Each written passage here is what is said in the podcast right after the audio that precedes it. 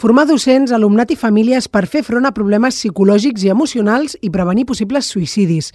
Aquest és l'objectiu de l'Ajuntament, que ha impulsat un programa a través d'unes sessions que condueix el psicòleg Isaac Lloberes. A Lloret, des de fa anys, es fan algunes coses per millorar l'estat de salut mental i emocional de les persones, adolescents i joves del municipi. Aquest any, en aquesta edició, el que volem fer és preparar un pla de prevenció del suïcidi que porti també un protocol.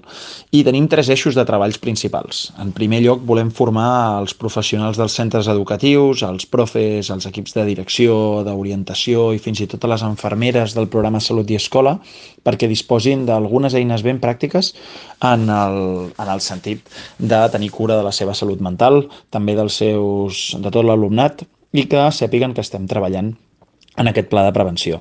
També volem treballar amb les famílies, tant dels instituts com de les escoles de primària, perquè disposin d'alguna informació i també disposin d'aquestes eines pràctiques. I per últim, seguirem amb les sessions psicoeducatives dintre sobretot dels instituts. Aquestes seran sobretot en el tercer trimestre, però volem també donar aquestes eines i sobretot que disposin dels seus recursos d'afrontament per millorar el seu estat de salut mental i emocional i que sàpiguen doncs, que disposen de més recursos tant al municipi, alguns d'aquests que no tenen que veure amb la salut però estan directament correlacionats, ja sigui amb recursos de cultura, d'esports, d'associacionisme. Tenim al telèfon Alejandro Pérez, regidor de Joventut. Molt bon dia.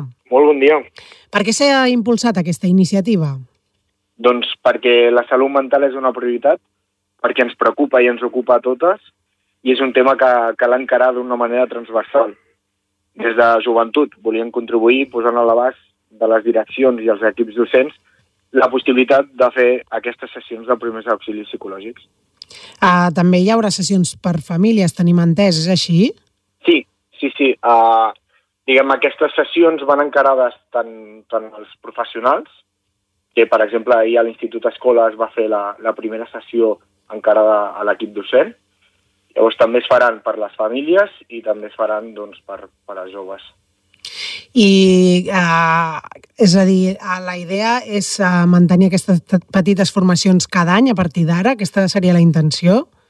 Sí, uh, des de, des de bueno, una taula comunitària uh, es va decidir que bueno, hi havia aquesta necessitat de fer una espècie de, de catàlegs de, de diferents xerrades i, i sessions que es poden fer a les escoles llavors aquest catàleg està a l'abast de, de les escoles i dels instituts i ells poden demanar la, la que volen. Llavors aquesta és una de, la, de les demandades i llavors eh, bueno, la idea és que, que la puguin seguir tenint, tinguent a, a l'abast. Mm. Uh, quan diem que s'adreça tant a equips docents com a alumnats, a quin, quin alumnat, és a dir, quines edats engloba? Doncs principalment es va fer uh, per als instituts, però és el que et dic, uh, uh, això es posa a l'abast de, de les escoles i dels instituts i, i ells ho poden demanar. Val, d'acord, d'acord, perdó. Que ells veuen, sí. Mm -hmm. Sí, sí, queda, queda clar, queda clar.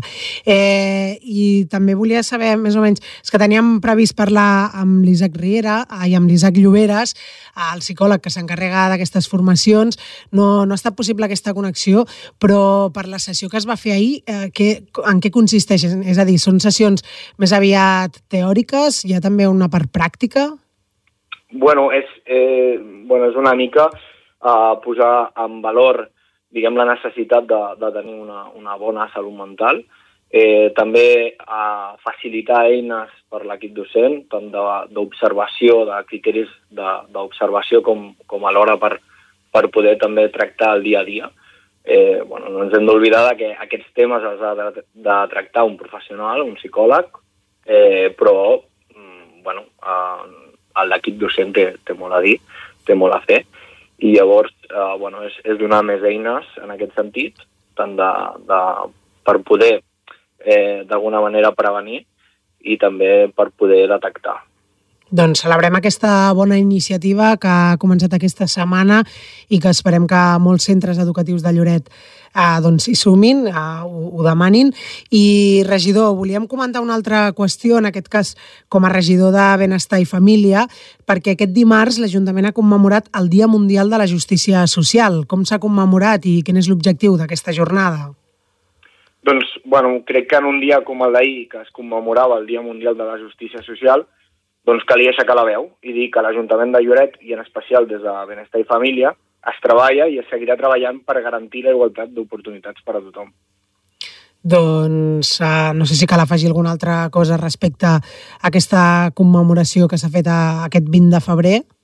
Bueno, jo volia, bueno, volia aprofitar també per agrair la feina que fan moltes entitats de Lloret de Mar i persones voluntàries que posen el seu granet de sorra per derrocar aquestes barreres i per aconseguir una societat més justa.